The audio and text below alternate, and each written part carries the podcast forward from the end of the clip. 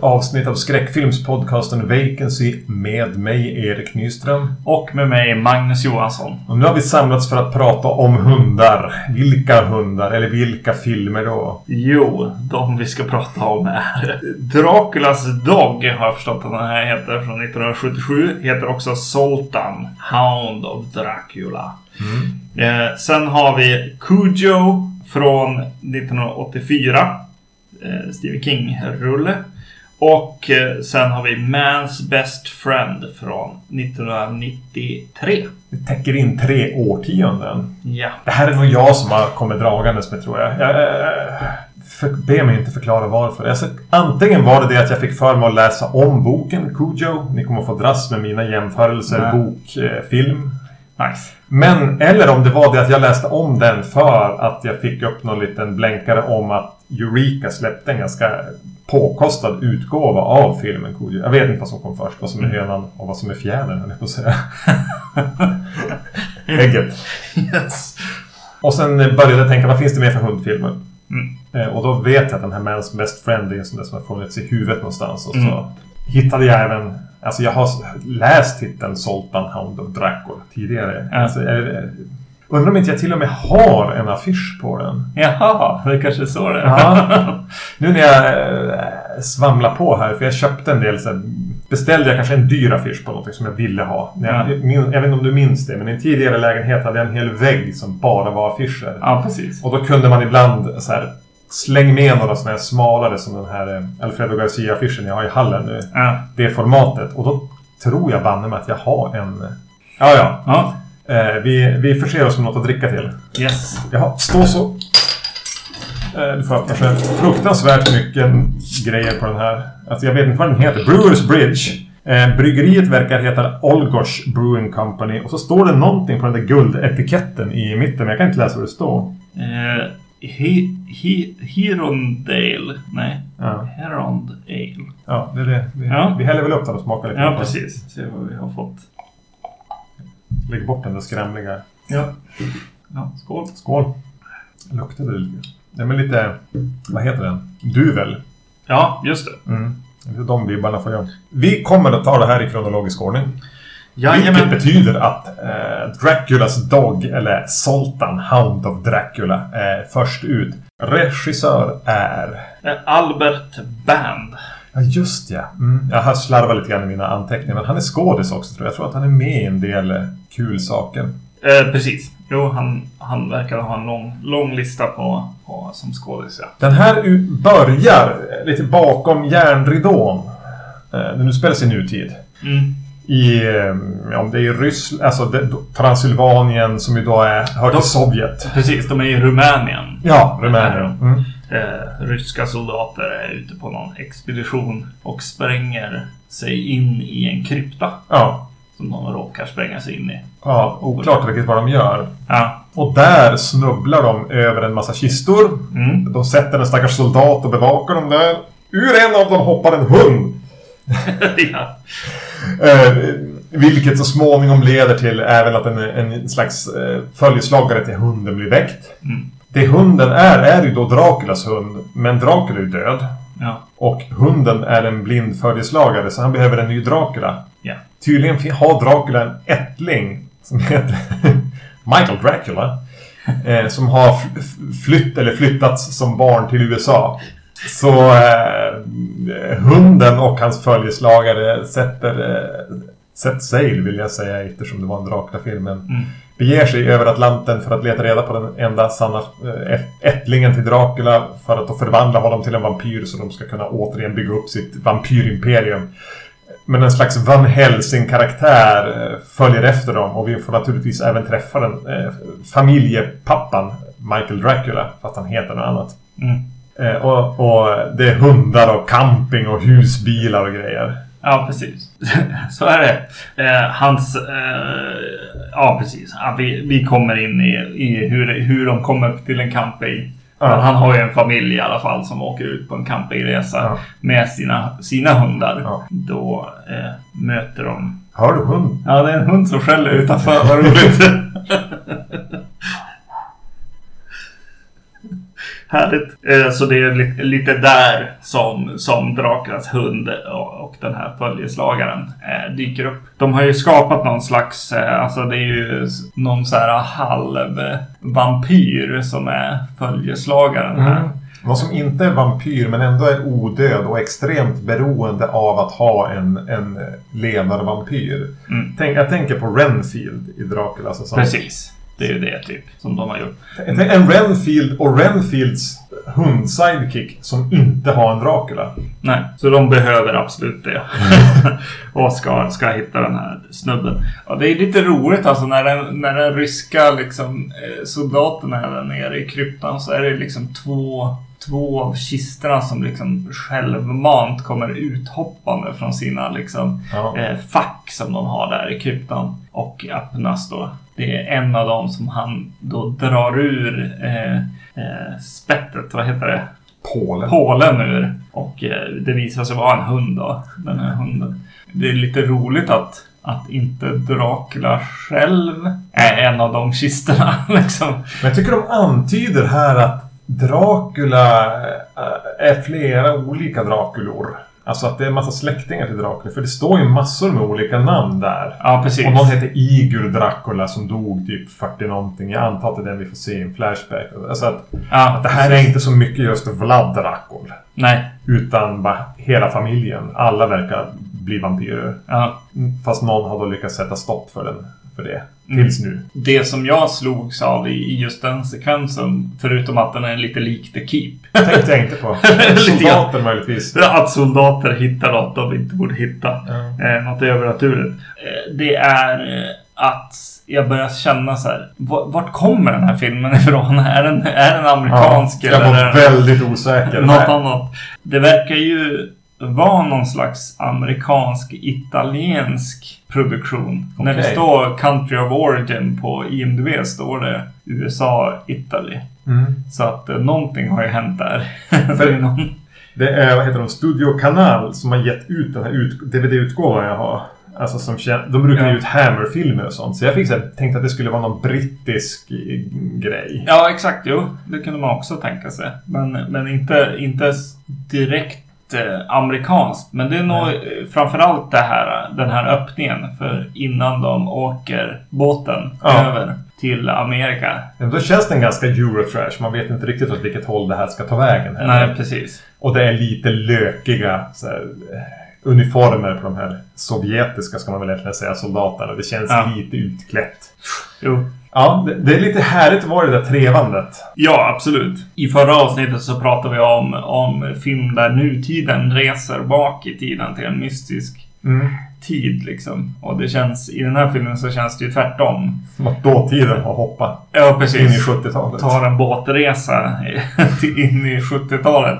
För det är först när de la- landar med båten liksom som man börjar inse att jaha, just det, det är, vi är ju i 70-talet här. Och hamnar i en amerikansk kärn, typisk amerikansk kärnfamilj. Typ E.T. Hajen, Poltergeist. Alltså, eh, vi är lite i den miljön helt plötsligt. Ja. Fast regisserad av något som inte riktigt har den där varma feelingen för vad en familj ska vara. Nej, precis. Just det, exakt. Jag tror att eh, en del av, av grejen varför, varför man inte riktigt känner igen sig är ju att det känns ju som en eh, den här eh, följeslagaren. Mm. Eh, känns ju väldigt italiensk eller, eller spaghetti-västern. Reginalder. Eh, precis. Kanske mest känd för antingen Hitchcocks eh, The Man Who Knew Too Much Mm. eh, från 50-talet. Eller från The Bird with the Crystal Plumage. Mm. Men han spelar ju även... Han, han, han har gjort en sån här Witchfinder General-film. Mark of the Devil. Någonting Just vi kommer att komma till. det är en bra film. Eh, men han är även Nosferatu-gestalten i eh, Salem slott. Just det. Precis. Så det här är ju en veteran. Ja. Med det här karaktäristiska insektsliknande ansiktet med ganska mycket här koppärr eller vad det är. Just det. Otroligt... Eh, han har ju ett fantastiskt ansikte. Mm. Så är det ju. Och det är väl det han gör. Ja. I, I förra avsnittet i Loreleis Grasp så pratade vi också om, om en följeslagare lite grann. Ja. Han med piskan. Ja. Eh, och han har ett väldigt liknande liksom, typ av utseende kan jag Mm. tycka. Mm. Det är någon som blir castad för att de har ett ansikte. Inte för att de är begåvade som skådisar eller någonting. För Nej, det är ju inte Reggie här. Nej. Men han är ju en... eh, Han, han är ju slående. Ja, det är han. Absolut. Ja, man eh, vet verkligen inte vart det här ska ta vägen. Nej. Särskilt när då presenteras vi familjen här då som är Michael Dracula. Ja. Det är så roligt att de heter det. eh, så jag kommer att säga det. Mm.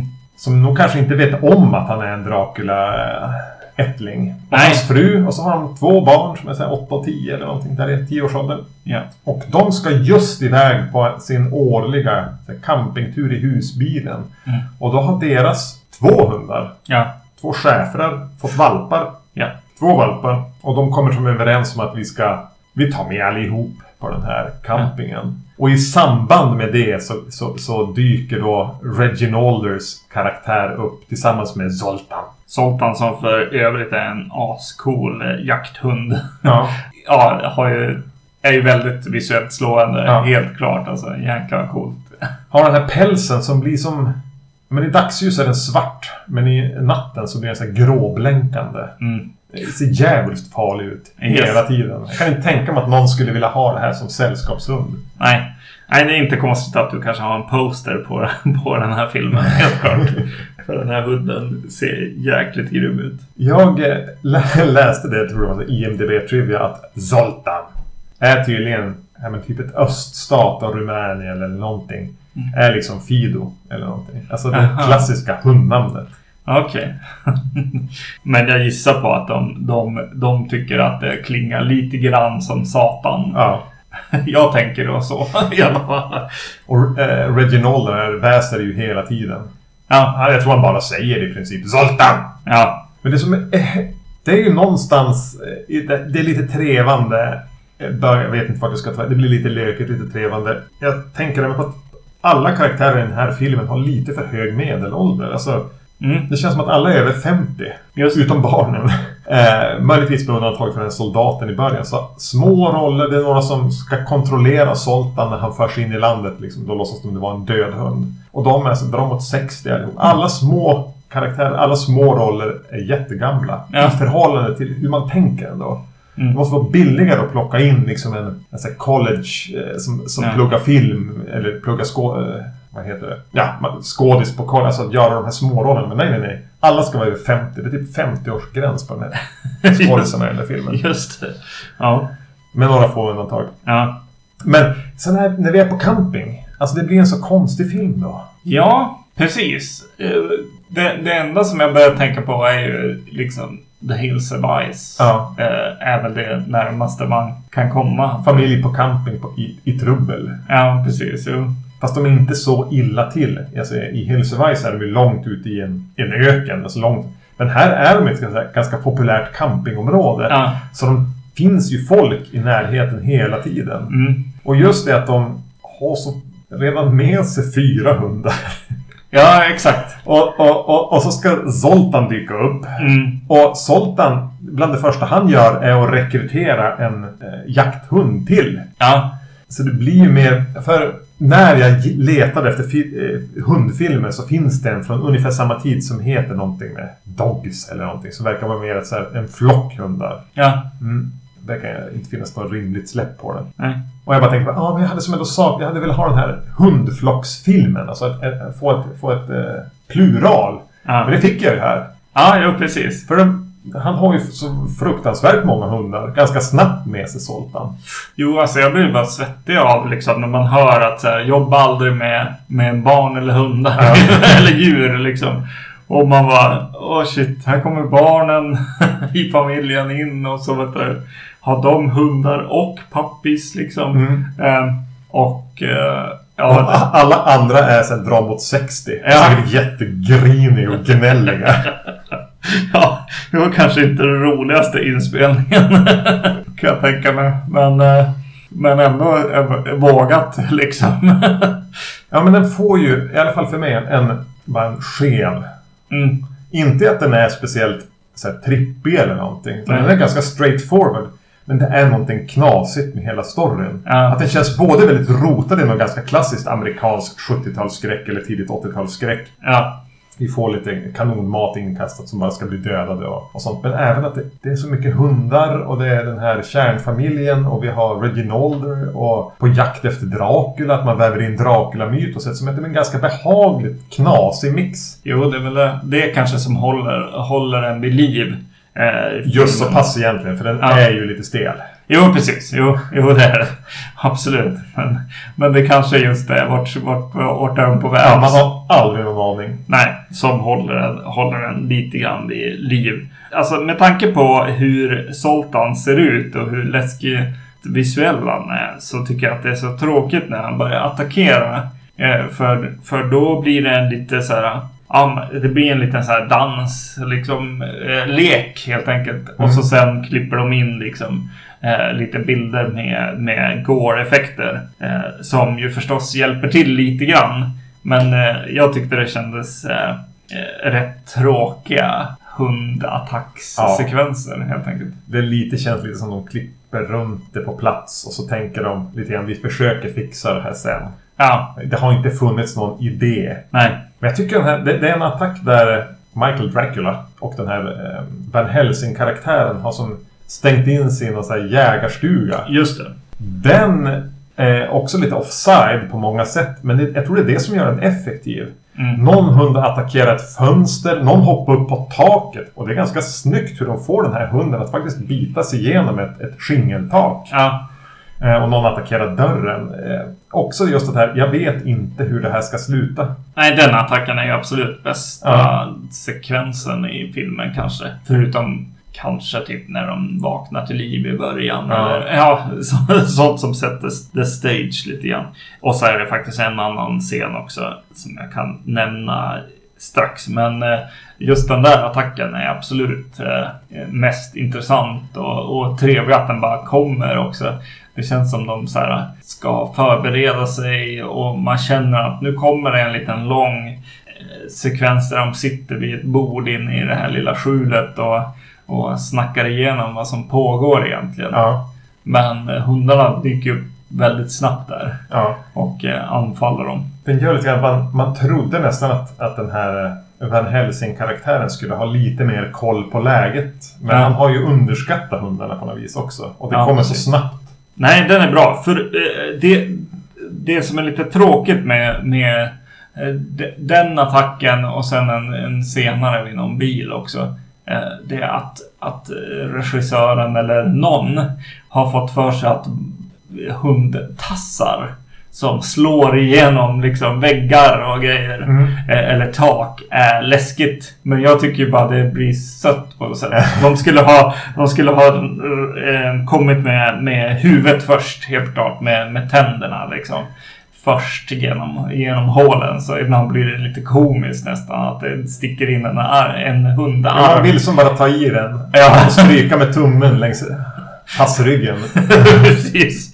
Jo. Eh, det ger ju en realistisk känsla, ja. Ja, ja precis. Men det är ju inte obehagligt. Det Nej. Blir, som du säger, det blir lite sött. Ja, ja, det är lite synd. Jo, den, den andra scenen som jag tycker är, är fantastisk ändå. Det är ju att eh, en av valparna dör ju. Mm. Och så begraver familjen valpen. Och eh, ett, ett, ett, på, på natten så kommer så, så reser sig valpen ur graven. Ja. Och det är en fantastisk sekvens. Jag läste aldrig eftertexterna om några djur blev skadade i den här. Det blev den ju förmodligen inte. Den tog sig upp men de har ju faktiskt grävt ner en valp. Ja. Grundgrav. Ja. Men ändå. Ja. Den får ju kämpa sig upp. Yes. Ja, jo, det är också en scen jag aldrig har sett för och aldrig kommer att se igen. Nej, exakt. Nej. En odöd vampyrvalp som krafsar sig upp genom den sandiga jorden. Ja, det är bra. Zoltan ger även ifrån sig... Han anfaller Michael Dracula. Mm. Eh, som har, verkar vara en troende katolik eller någonting, som har ett kors runt halsen. Ja. Det är lite det som avstyr attacken när han får syn på det här korset. Mm. Och ge ifrån sig ett slags här ylvrål. Mm. Lite som ett pitchat Godzilla-vrål. Ja. Också ganska kul. Också ganska kul. Ja. José Ferrer spelar den här Van Helsing-karaktären som när han är Mm. hemma i Rumänien eller bakom järnridån är en ganska stram, han har kostym, han pratar allvarligt med någon kvinnlig överste om att han hemskt gärna vill ha det här uppdraget. Han har brun kostym på sig, är någon slags professor. Mm. Sen åker han över till USA och jag får för...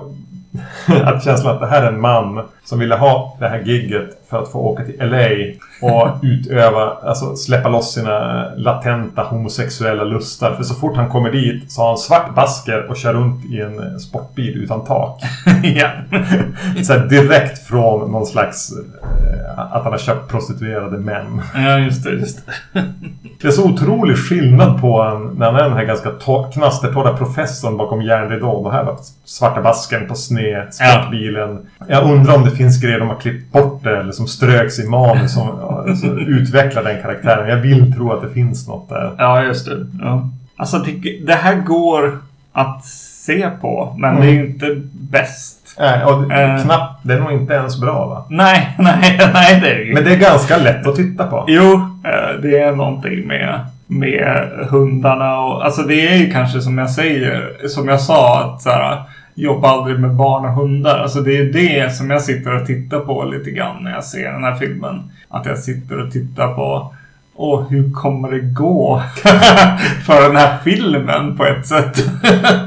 Men eh, ja. De har skött det ganska bra. Alltså just barn och hundbiten, att regissera och få ihop det är ju som in, inte filmens problem. Nej, nej, absolut inte. Och även någon av, några av barnen funkar ju väldigt bra också. Det, det är någon som får några scener och liksom går omkring och undersöker och sådär. Funkar ju. Mm. Det är, vi brukar referera till Ronnys rullar ibland. Ja, just det. Och är det någonting jag tänker förmodligen var en Ronnys rulle, för det här är egentligen typexemplet på sånt som han visade. Ja. Bortglömda amerikanska, eller åtminstone i någon mån amerikanska produktioner från 70-talet. Mm. Som hade lite den här slöa lunken. Alltså att reklampauserna kändes inte som ett break från filmen egentligen. De gjorde ingenting. Eh, men som ändå har något lite schysst över sig. Mm. Så ja, om den inte var där så var det definitivt något jag tänker att det skulle kunna ha varit någonting som Ronny visade. Som femman råkade köpa in i så stora billiga batchar med filmer. Ja. Ge dem till Ronny. Jo, precis. Jo. Och eh, ja, alltså det, det är klart att hundskräck kommer alltid funka ihop. Men den här funkar ganska bra till, eh, som att se i mitt fall efter Cujo. Mm. Eh. Och gud, vad heter den här katten på ett skepp? The Uninvited, eller vad heter den? Katten på ett skepp. Ja, det finns någon, någon... Är katten viktig på skeppet? Ja, den är hotet. Jag vet inte om du har sett den. Jag Nej. tror att den heter The Uninvited bara. De är på, på en sån här li- lite lyxskepp. Springer omkring och är rädda. För en katt? ja för en katt. Ja. ja är, nu har vi ju någonstans börjat jobba in det här med djur. Så det kommer väl Ja, vi får göra katt. kattavsnitt. katt. Ja, precis. Jag kanske inte ska jämföra så mycket med den än. yes. Men eh, eh, det känns som att vi ska gå vidare här nu till Cujo från 84 då. Och eh, då måste jag fråga hur, är, hur ligger vi till med Stephen King-kronologin här? Ja, jag borde ha kollat upp det inför det här. Ah, okej. Men det här är en tidig King. Jag tror han skrev den tidigt 80. Ja, just det. Eh, och den gick ganska snabbt. Det här var ju när all- allt han skrev såldes och blev film. Mm, Så just den det. här är ganska tacksam att skriva. Ja, men, ja, jag får återkomma. Jag ska inventera och se vi ligger, hur vi ligger till. Ja, Och se vad vi måste börja täcka upp nu. Just. i, inom, inom kort. yes. Eh, och den här är regisserad av Louis Teague. Mm. Tror jag man säger. Med Ja. väldigt många eh, Vokaler. vokaler där.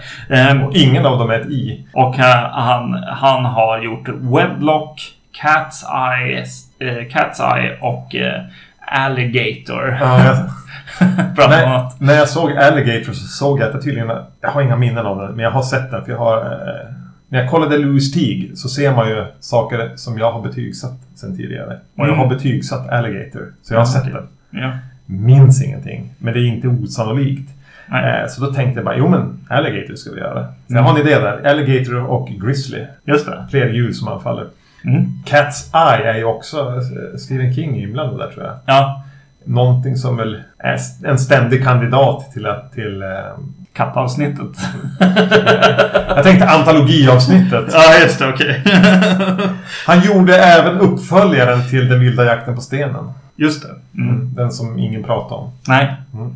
Jag vet inte om någon pratar om den vilda jakten på stenen Det är heller. Michael Douglas, Just det. Turner. Ja, va? Det här kanske. Vi ska inte prata om de filmerna. På. Nej, Danny DeVito ju. just det. Och krokodiler. Mm, det är sant. Det är Ja. manus. Jag, jag valde bara att skriva ner manusförfattarna här. Eh, bara för att jag tänkte att... Jag kan säga det redan nu. Jag tycker att de har gjort ett bra jobb med att bearbeta boken till film. Mm, Okej. Mm. Don Carlos Dunaway och Lauren Currier har inte gjort någonting annat av, som jag känner, mycket TV. Men jag tycker de har mm, kokat ner den här boken till. Ja. Eh, så fördelen nu är att jag har boken otroligt färskt i minne. Ja. Om vi nu kallar det en fördel. Filmen än mer färskt minne. Hade du sett Cujo tidigare?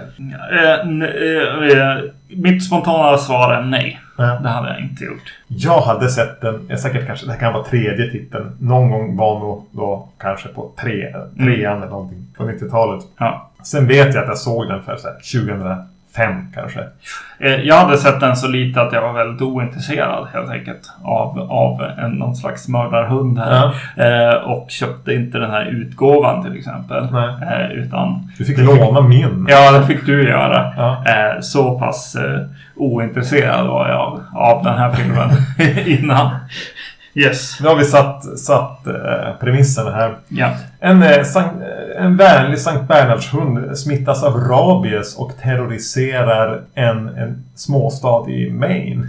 I synnerhet en eh, femårig pojke och hans mamma. Mm. De- Den här öppnar ganska starkt med sin musik. Mm. Det, eh, jag gillar verkligen den klassiska 80-tal, liksom lite äventyr, lite skräck på samma gång. Ja, men det, på den tiden när man använde musiken för att berätta vad man kunde förväntas av filmen under öppningssekvensen. Ja, precis. Just det. Så man fick ju, man fick ju direkt lite känsla av eh, Hajen, eller Jaws.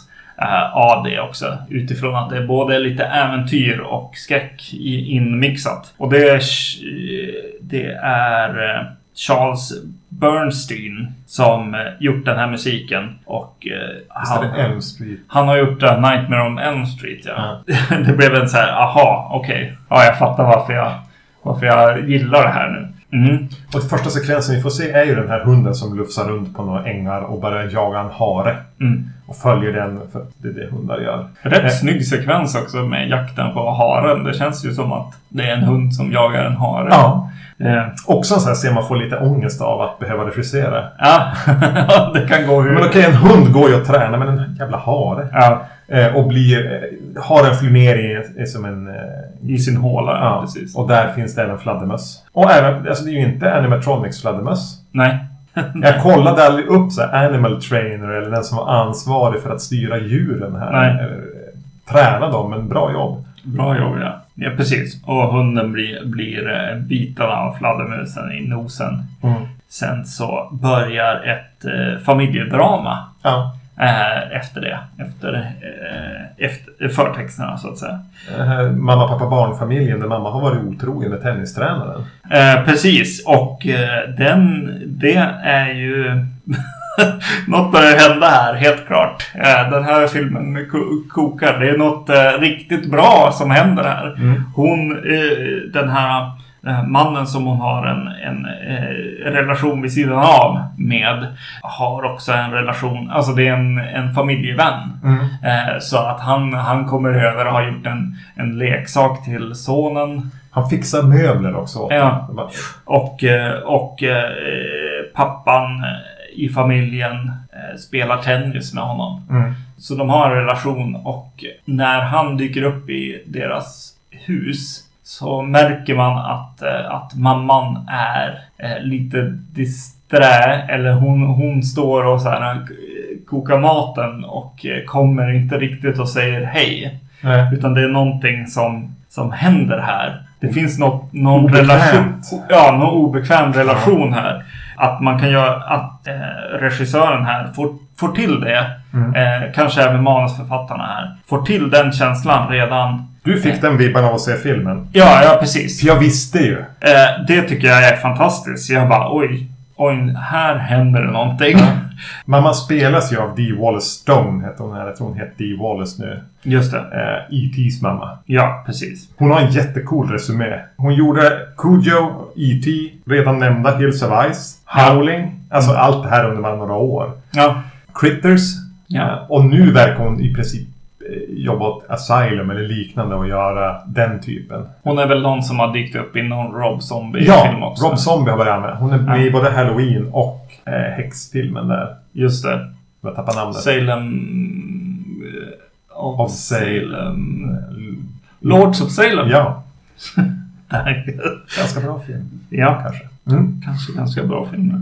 Så, så ja, det, det, den här, det här är ju en film som lutar så mycket mot boken. Alltså ni får Mm. ursäkta sig jämförelse med, med den litterära förlagen. Men de är otroligt lik varandra. Så den är väldigt boktrogen. Ja. Och den boken är väldigt intresserade av karaktärer, karaktärernas relation till varandra och framförallt inom familjen.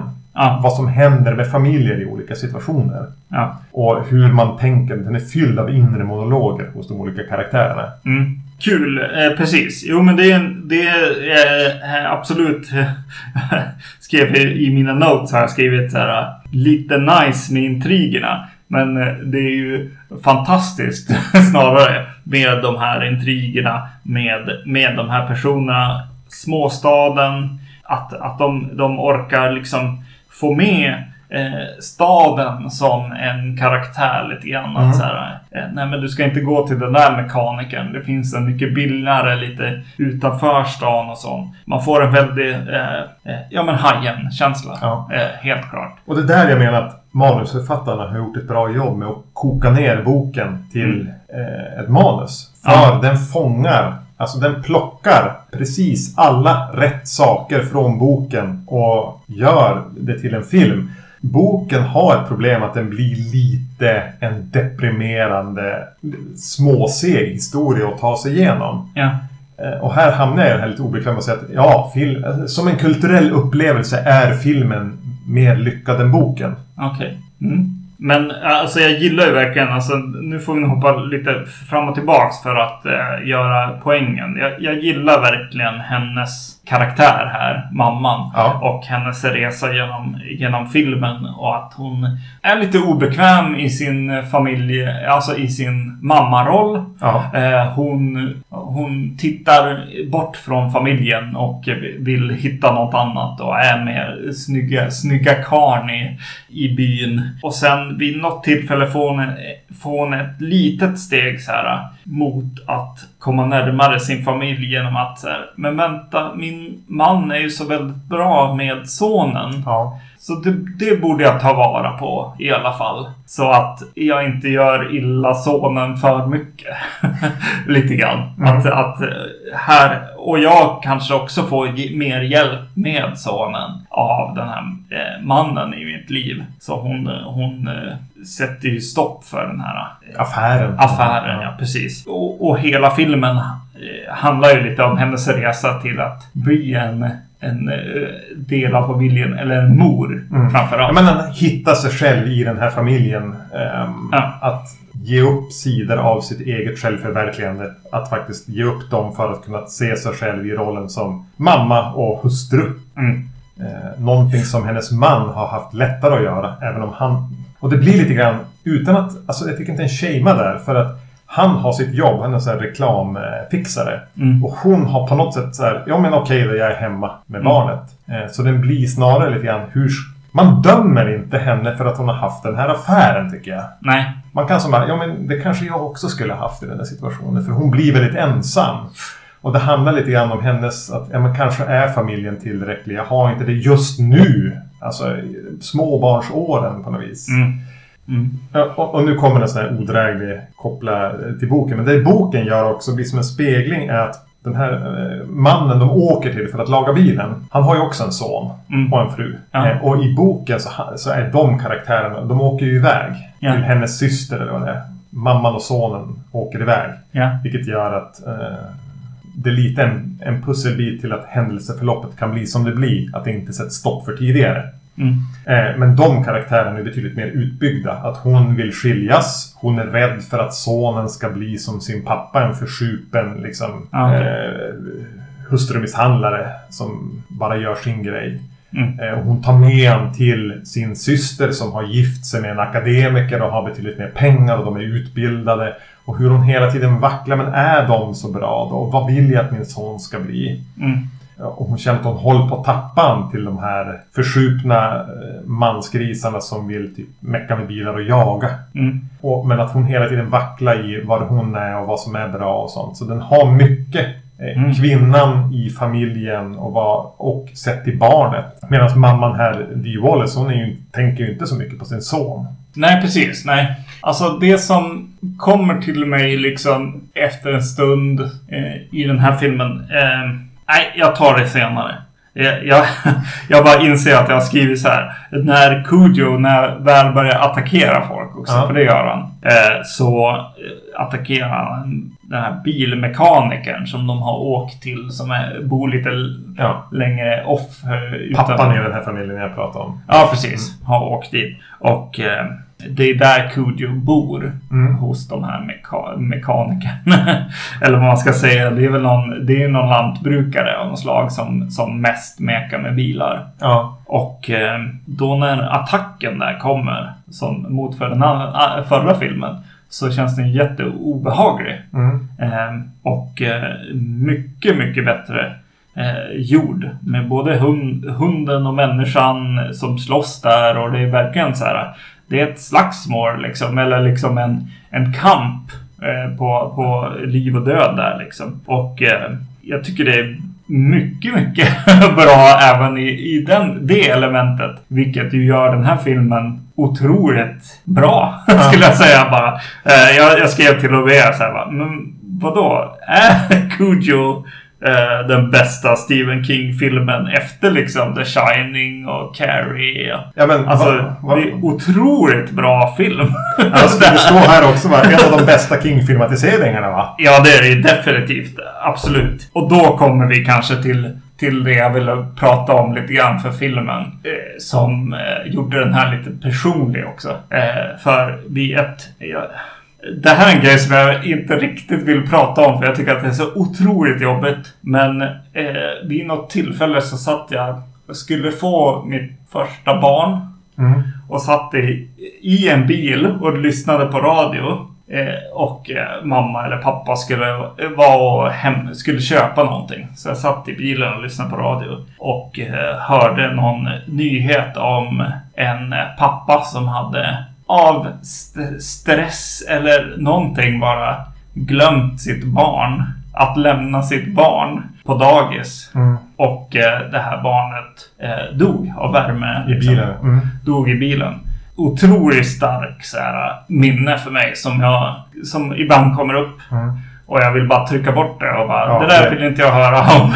Det där är för Alltså. jobbigt för att ens veta att det har... Ex- äh, ja. Och eh, eh, själva huvuddramat rent skräckmässigt eller för henne också som gör att så här hur, hur, hur gör jag nu? Mm. Det är ju att de eh, mamman och sonen kommer till den här mekanikerns eh, ställe. Jag vet inte om de bara ska hämta något. Du ska eller- fixa bilen. Ja, fixa bilen ja. Och så är det liksom ingen där och bilen går sönder. Och Cujo anfaller. Ja. Eh, så de blir ju fast där i bilen i hettan. Det blir ett gisslandrama egentligen. Ja. Han håller dem eh, belägrade i bilen. Ja, precis. Otroligt eh, jobbigt att det kom tillbaks här. och starkt och bra. Eh, och ett väldigt bra tillfälle. Precis som, som för mig, den historien var ju så här bara. Ja ah, shit, ja, jag jobbar också med ett intensivt jobb där man där det är lite, lite stress och man tänker väldigt, väldigt mycket på jobbet. Mm. I hennes fall tänker jag, i den här filmen så tänker jag att det, det är mer att hon, hon tänker på hur ska jag bli lycklig Mm. eh, istället för eh, familjen och sonen liksom lite grann. Eh, och att hon då hamnar i den här situationen. För det är lite, lite lärdomen som jag fick där i bilen när jag lyssnade på den här radiogrejen. Att så här, det, här, det här får ju inte hända. Absolut inte. Och, då har du den frånvarande pappan här också som har stuckit iväg på sin jobbgrej. Ja, precis. Just det. Nej, det var, det var otroligt bra att det dök upp också i filmen. Så filmen blir bara bättre och bättre allt efter att den går. Och att hon i, i bilen med sonen som eh, uppenbarligen behöver liksom dricka och få liksom vara i kyla. Och hon med för den delen. Så att de kämpar mot, mot just den tanken lite grann är, är väldigt stark för mig. Så att jag blir väldigt inne i den här filmen. Helt klart. Mm. Man tänker ju lätt att Coolio ska handla om liksom, det blir en Michael Myers fast en hund. Mm. Eh, och det är snabbt avklarat. Jag tror han dödar två personer. Ja. Sen handlar det om att han håller dem belägrade i den här bilen i stekande hetta. Mm. Riktigt bra. Att bara hitta sig själv som förälder i det. I boken så finns det, men, hon har ju, då, då blir det de här ångesttillfällena för man får följa Kujo mer i, på ett sätt som inte känns töntigt i boken. Att man får vara inne i hans huvud, i hans rabiesmittade huvud. Ja. Som gör att man nästan, ja men det är inte hans fel det här. Nej. Han är en snäll vovve liksom. Ja, som bara precis. blir arg på allting och han förstår inte varför. Det är en scen när han är på väg att angripa den här sonen i dimman. Mm. Men han någonstans bara, ja men det där är ju the boy. Ja. Han är ju snäll och lyckas sansa sig. Men jag är ju så arg hela tiden och allting gör ont. Ja. Hur som helst, i boken så är det ju lador och grejer som han går in i. Och hon vet aldrig var han är. Mm. Så, men det man får veta i boken är att han har ju varit, han glömmer ju bort dem hela tiden. Han är ju så, alltså hjärnan håller på att ruttna på Ja. Kujo. Så han har ju varit borta i flera timmar ibland. Gått ner till någon sjö och sovit och badat och sånt där. Så han, de har ju kunnat typ gå ut och promenera. Om de bara hade vetat att han inte var där. Ja. Så Jätteångestgrejer. Ja. Och hur hon, och det tänker man finns där i filmen också. Ja. Ja, men om jag chansar och springer mot huset. Jag skulle kanske kunna ta mig in. Ja. Vad händer om jag misslyckas och min son blir kvar ensam i bilen? Ja.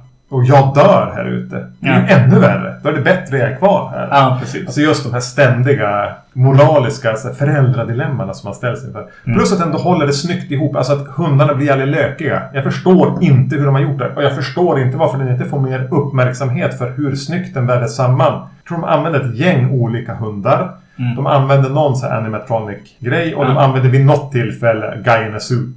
Mm. Men jag ser bara typ en slabbig Sankt Bernhard hela tiden. Ja. Ja. Så den är ju snyggt klippt och fotad i det avseendet. Ja, verkligen. Verkligen bra. Eh, och en del grejer är ju liksom rent stunt work egentligen för hunden liksom. Eh, de gör en riktigt snygg grej när hunden är på, på taket och försöker ta sig igenom en glipa liksom i, i eh, dörr... Eh, vad heter det? I vindrutan.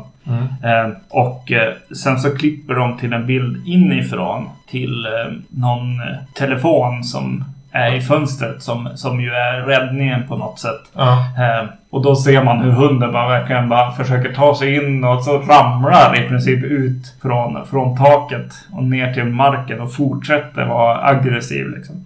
Eh, otroligt häftiga djurregi eller Ja. djuracting här från de här hundarna. Alltså. Otroligt bra. Och jag tycker att det är så nice i bilen också för det är lite hon hon glömmer nästan bort sin son ibland också, Ja. i, även i bilen. För då är det hon mot hunden och hur ska jag överleva lite grann? Det, det är liksom bara mot, riktigt mot slutet som hon börjar förstå att här, nu blir jag av med min son här. Och det är väl enda gången egentligen som det här som du pratar om, att man, man får så mycket av tankarna i boken. Mm. Eh, att, att här uttrycker hon att eh, med rösten, hon pratar med sig själv i princip. Jag håller på att förlora min son, säger hon. Mm. Eh, vilket kanske är eh, att fuska lite grann. Men det är jävligt snyggt också för Mm. det är det som är poängen. Det behövs kanske. sätt. Där. Ja, det är poängen för filmen på något sätt. Att här blev jag mor och nu spelar inte jag eh, någon roll längre. Är väl någon typ av poäng här. Självutplåningen man utsätter sig för genom att skaffa barn. Ja, precis. Yes. Som inte hon har varit beredd att acceptera. Nej. Men den är ju en kedja olyckliga omständigheter. Vilket är- återigen det här, jag tycker att manuset så snyggt kokar ner från boken. Boken är ganska noga med att redovisa att det är så oerhört många beslut, slump och grejer som gör att det här scenariot ska uppstå. Mm. Jag menar att han med post, någon borde dyka upp och telefoner som ringer och någon är bortrest på grund av saker som har hänt. Just det här ödets små nycker Ja. livets jävla ironier på något vis. Mm. Eh, som jag tycker att den fångar det, fin- det är som ett tema i boken som den fångar upp och på något sätt strösslar över det här. Mm. På ett sätt. Jag tycker det finns där också. Ja. Jag tänker att en viktig detalj som jag vill prata om som är spoiler-territorier. Vi har som Ja. helt släppt det här med ja, jag har redan varit där tyvärr. Men jag, har ni varken läst boken eller sett filmen och vill veta hur det slutar. Jag tänker att någonstans har vi ändå varit hyggliga. Så sluta lyssna nu då. Ja. Eller skippa några minuter framåt. Mm. Men den stora skillnaden mellan boken och filmen är Ja. att, att eh, i boken dör ju sonen. Ja, okej. Han klarar inte det här. Det, och det är inte så något speciellt utan det händer ungefär som i boken. Eh, hon slår ihjäl Cujo och, och, och kavalleriet i form av pappa kommer.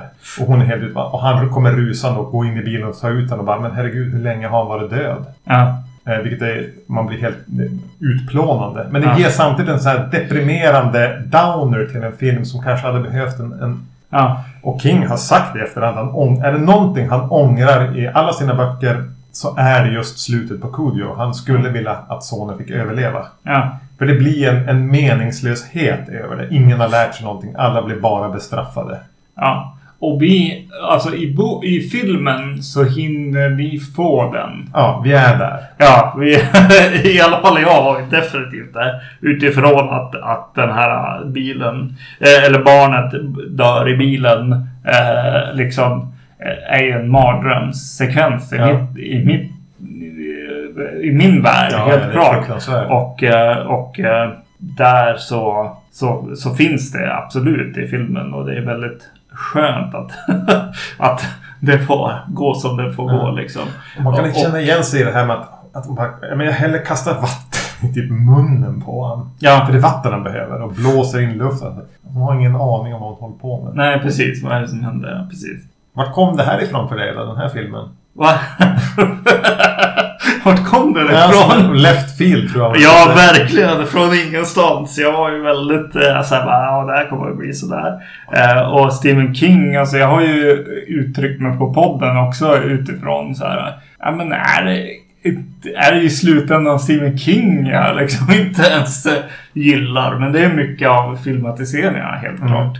Eh, helt enkelt. Och, och du påminner mig hela tiden om att det är hur, hur han eh, skriver och vad, man får ut av det också. Mm. Eh, såklart. Men eh, det här är ju en suverän rulle, helt klart. Eh, och, och, och snygg på alla sätt också. Mm. Eh, filmen är bara riktigt bra gjord och man får liksom så här, man får alla, allt det najsiga från 70-talet lite grann i den också. Eh, hon hon slår, slår sönder någon ruta där i filmen och det känns Texas Chainsaw Massacre i princip. Eh, hon, eh, jävligt nice alltså. Du har den här eh, 70-talstexturen på något vis. Ja, Att den kanske sladdar in lite grann i tv-filmslunkar ibland men ja, nej. Ja. Det här är en jävligt underskattad film. Ja. Jag såg det tillsammans. eh, Mitt, mitt, filmsällskap var otroligt skeptiska. Jag skickat en trailer också. Jag bara, ja men jag, jag kommer väl att somna. Eller jag kommer att kolla på Mm. kolla i mobilen. Men nej, såg hela filmen. ja precis. Det här Jo, var men- bättre än vad jag trodde. jo, jo, men absolut. Alltså det här är ju som... Eh, alltså när vi, när vi pratar om hajen så är det ju... Alltså det, det, det, är, det är klart att hajen behöver finnas för att göra den här rullen. Mm. Helt klart. Men eh, det är ju absolut eh, värdigt det här eh, liksom hajen på land som så många har försökt göra på något sätt. Den här gör det ju på, på rätt sätt. Eh, helt klart att, att lägga eh, ett familjedrama i, i, liksom i botten på den här eh, filmen är ju jätteviktigt för Mm. den. Eh, och blir eh, så mycket bättre liksom. Det här är en sån där film som jag tänker på när folk säger till mig som inte gillar tv-serier så mycket. Mm. För jag tycker inte att man kan... Folk säger ofta till mig att så här, ja, men då, du hinner inte liksom eh, bygga upp karaktärerna i en film. Liksom. Vi måste få leva med dem i en, i en säsong. I Liksom sju år. i sju år eller vad det nu är för att vet, känna dem. Eh, Men den här filmen är ju en sån som, som gör det här. Mm. Som bara, jo men jag vet precis hur hon eh, känner och tänker och, och vem hon är och vad, vad hon har för faults och vad hon har för, för styrkor och, och allt sånt liksom genom hela den här filmen. Så ja, eh, att du nämner manusförfattarna här är ju, är helt korrekt. Mm. Eh, Absolut. Så, så gillar ni TV, nu modern TV, se Cujo. Helt enkelt. Så får ni se hur det, hur det är när det görs på film. Har du, På en och en halv timme. har du klickat hem eh, Eurekas Ja, jag köpte den ju såklart. Absolut. yes, eh, den här... den här blir definitivt en av de här filmerna för podden som han säger va shit vad bra det är liksom. Som kommer vara i, i favorithyllan eller vad man ska kalla det. Kul! Jag, Ja. var inte, jag blev själv förvånad över att jag tyckte om den så mycket som jag gjorde. Att jag satt som naglad. Ja. Jag minns att jag hade positiva minnen av den. Jag hade just läst boken. Eh, funkar inte fullt ut som bok. Men att jag satt där och var så involverad. Eh, Mm. Så det var spännande. Jag tänkte, undrar vad... Funkar den här lika bra på Magnus? Just det. Men det gjorde den ju. Ja. Kanske till och med ännu bättre. Ja, absolut, absolut. Och, och det här eh, personliga eh, relationen till, till eh, det här eh, hettan i bilen Ja. eh, grejen gjorde det ju såklart ännu bättre. Ja. Vi har en Ja. stegring här i Ja, kvalitet. ja. Och nu, Precis. nu sätter vi kronan på verket va? Det, det gör vi verkligen.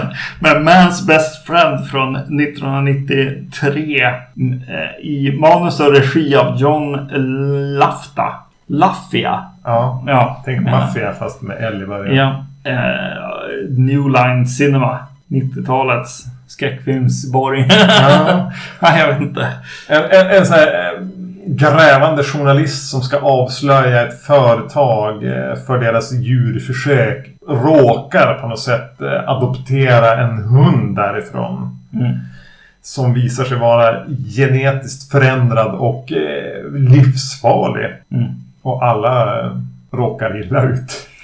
Yes. Det här är en film, jag minns omslaget. Det här måste vara en sån som stod där på VHS-hyllan när vi var och hyrde film. Ja. Den var en av dem vi aldrig tog. Det var lite därför jag nappade på den här. Ja, jag minns den från hyrhyllan. Mm. Det här sne, snedvridna hundgapet som är som utdraget. Ja. Fast det var svart tror jag på VHS. Här. ja, det kanske var. här har de gjort en eh, variant. Jag vet inte hur omslaget Det är du som äger filmen här. Ja. Jag bad dig köpa ja, just det. Jo, men den är den vit så. här eller? Ja, ja, precis. Vit. Man, det är som att de har försökt få en att tänka på Reservoir Dogs. Ja.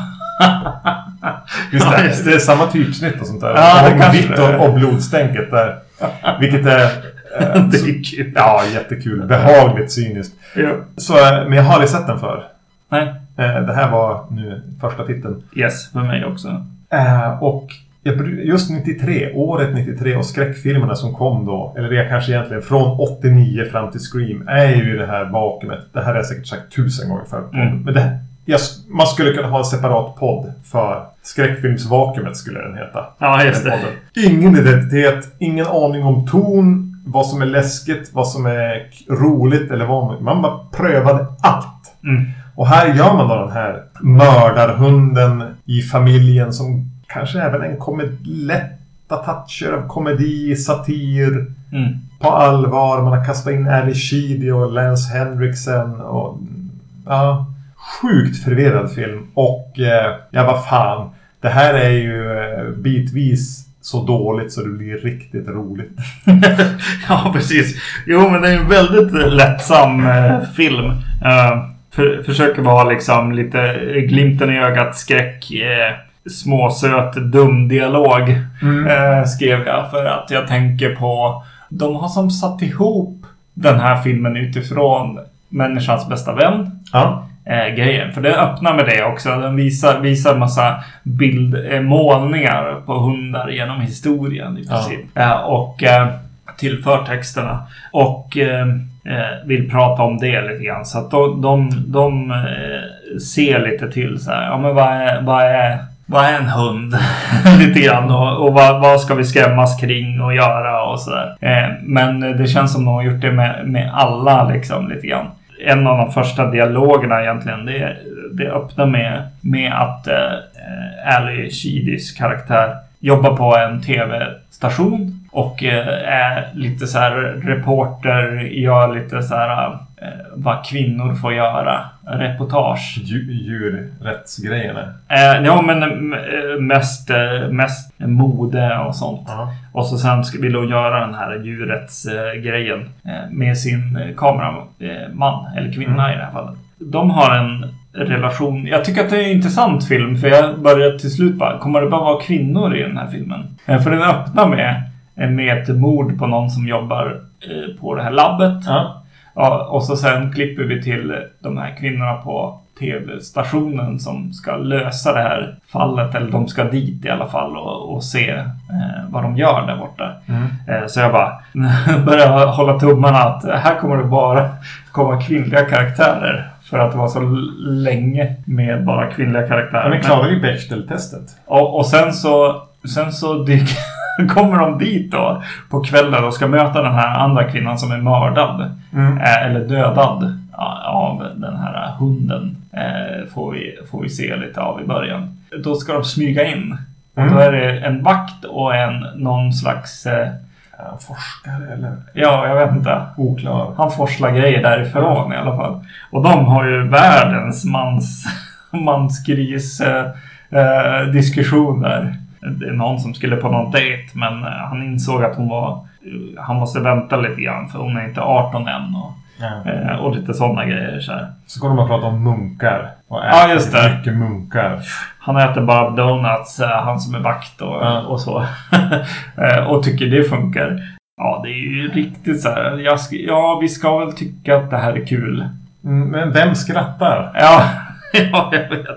Man skrattar ju på metanivå kanske. Ja. Och så hela visuella looken. Alltså det är ingen tvekan om när vi är. Nej. Det här är tidigt 90. Eh, precis. Det ser ut som Lewis och Clark. Ja, jo.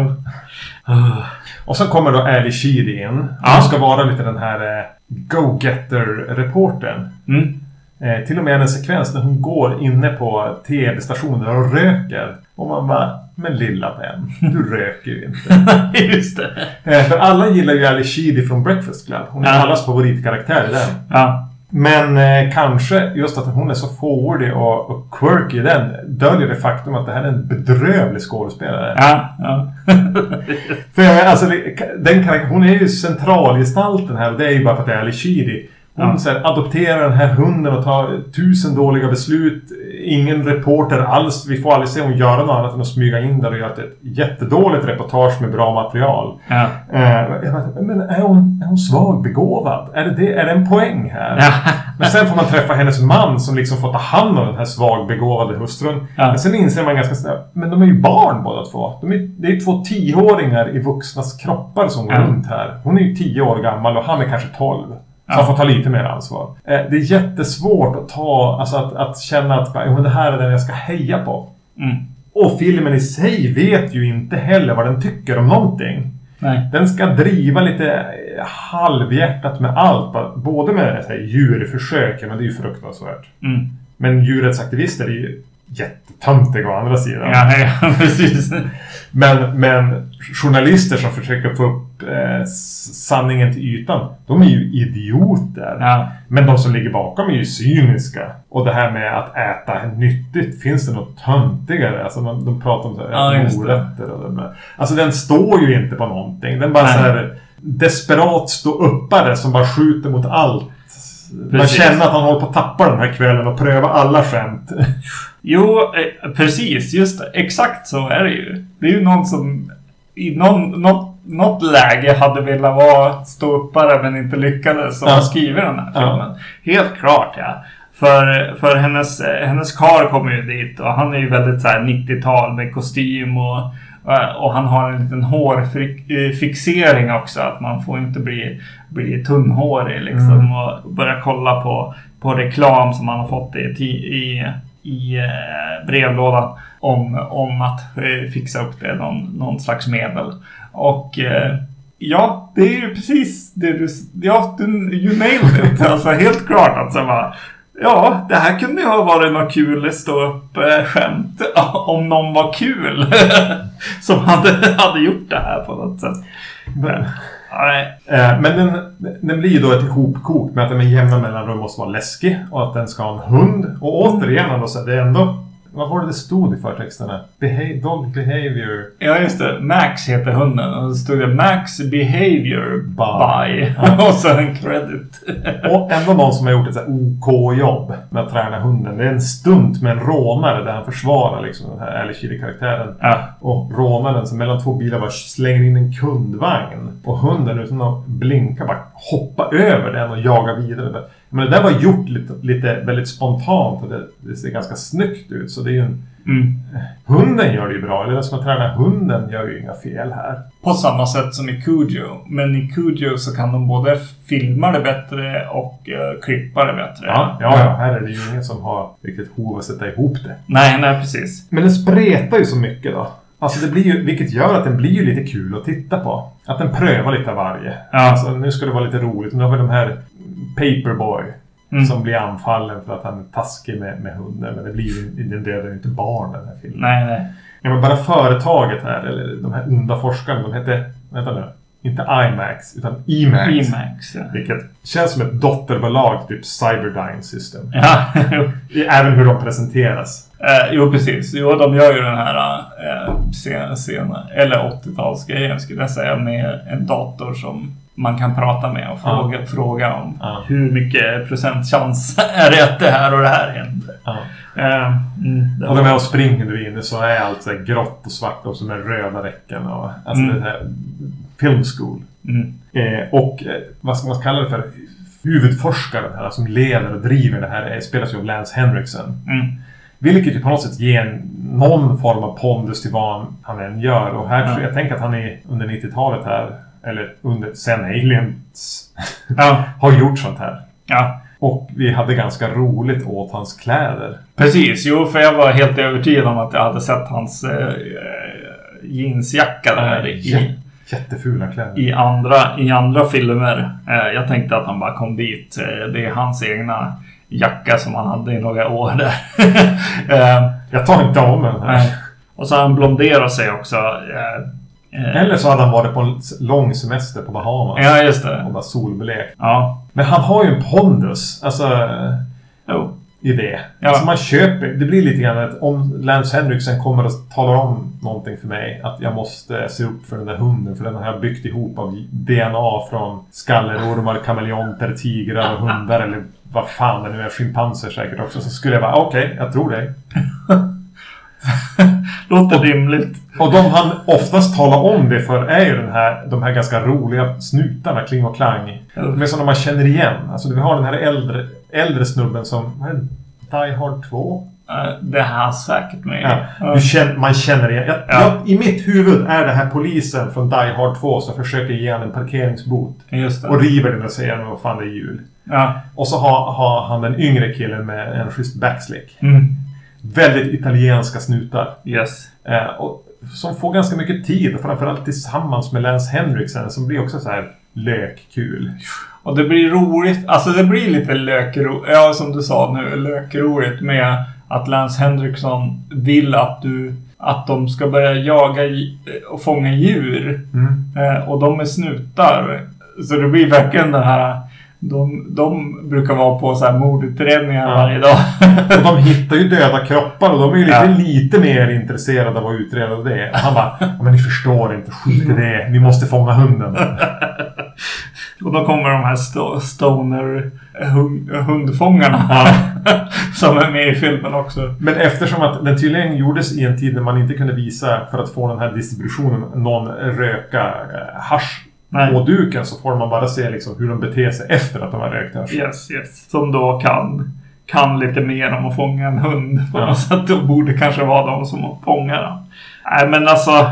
Nej. Och det är inte bra. Och så sen att, att så här, det, det känns som eh, att de vill titta på skräckfilm lite grann också. Och vet inte riktigt vad de ska göra med den, det elementet. Så de gör liksom Max här till en lite slasher-mördare. Och vad har vi då? Jo, man ska inte tycka om sex till exempel. Nej. Och så sitter han och så eh, hör han konstiga ljud. Så då måste han eh, bryta sig in i huset och eh, titta in genom nyckelhålet, gör Max vid ett tillfälle.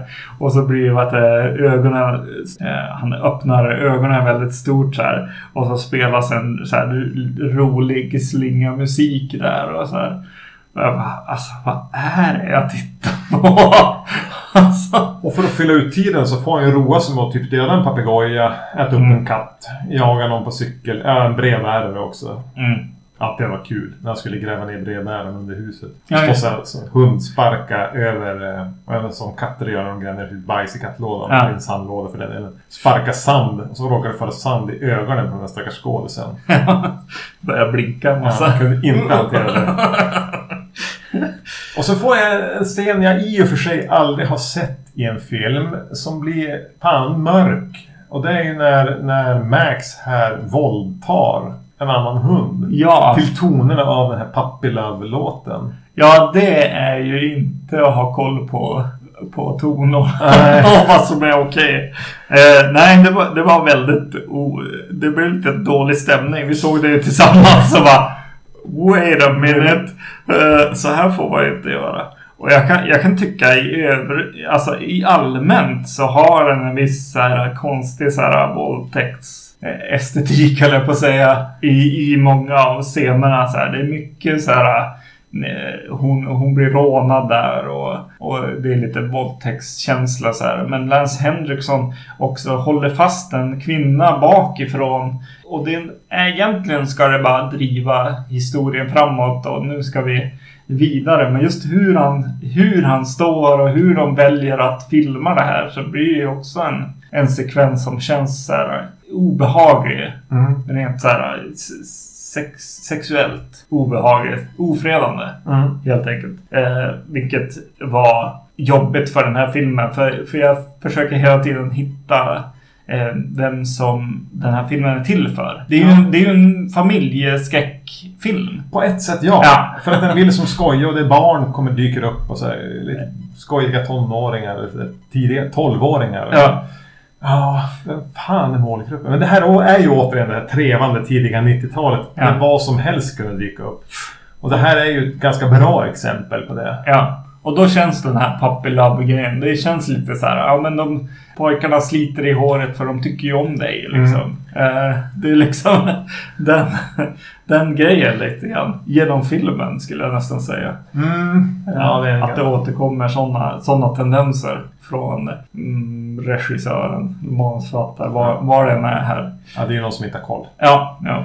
Sista sekvenserna i filmen tycker jag den lyckas få till. Bilscenen här, hunden står liksom upp in genom rutan och de bara kör i en bil. Lance Henriksen kör. Mm. Och eh, hon... Eh, Ali Sheedy sitter bredvid och håller en valp i famnen. Ja. Spike.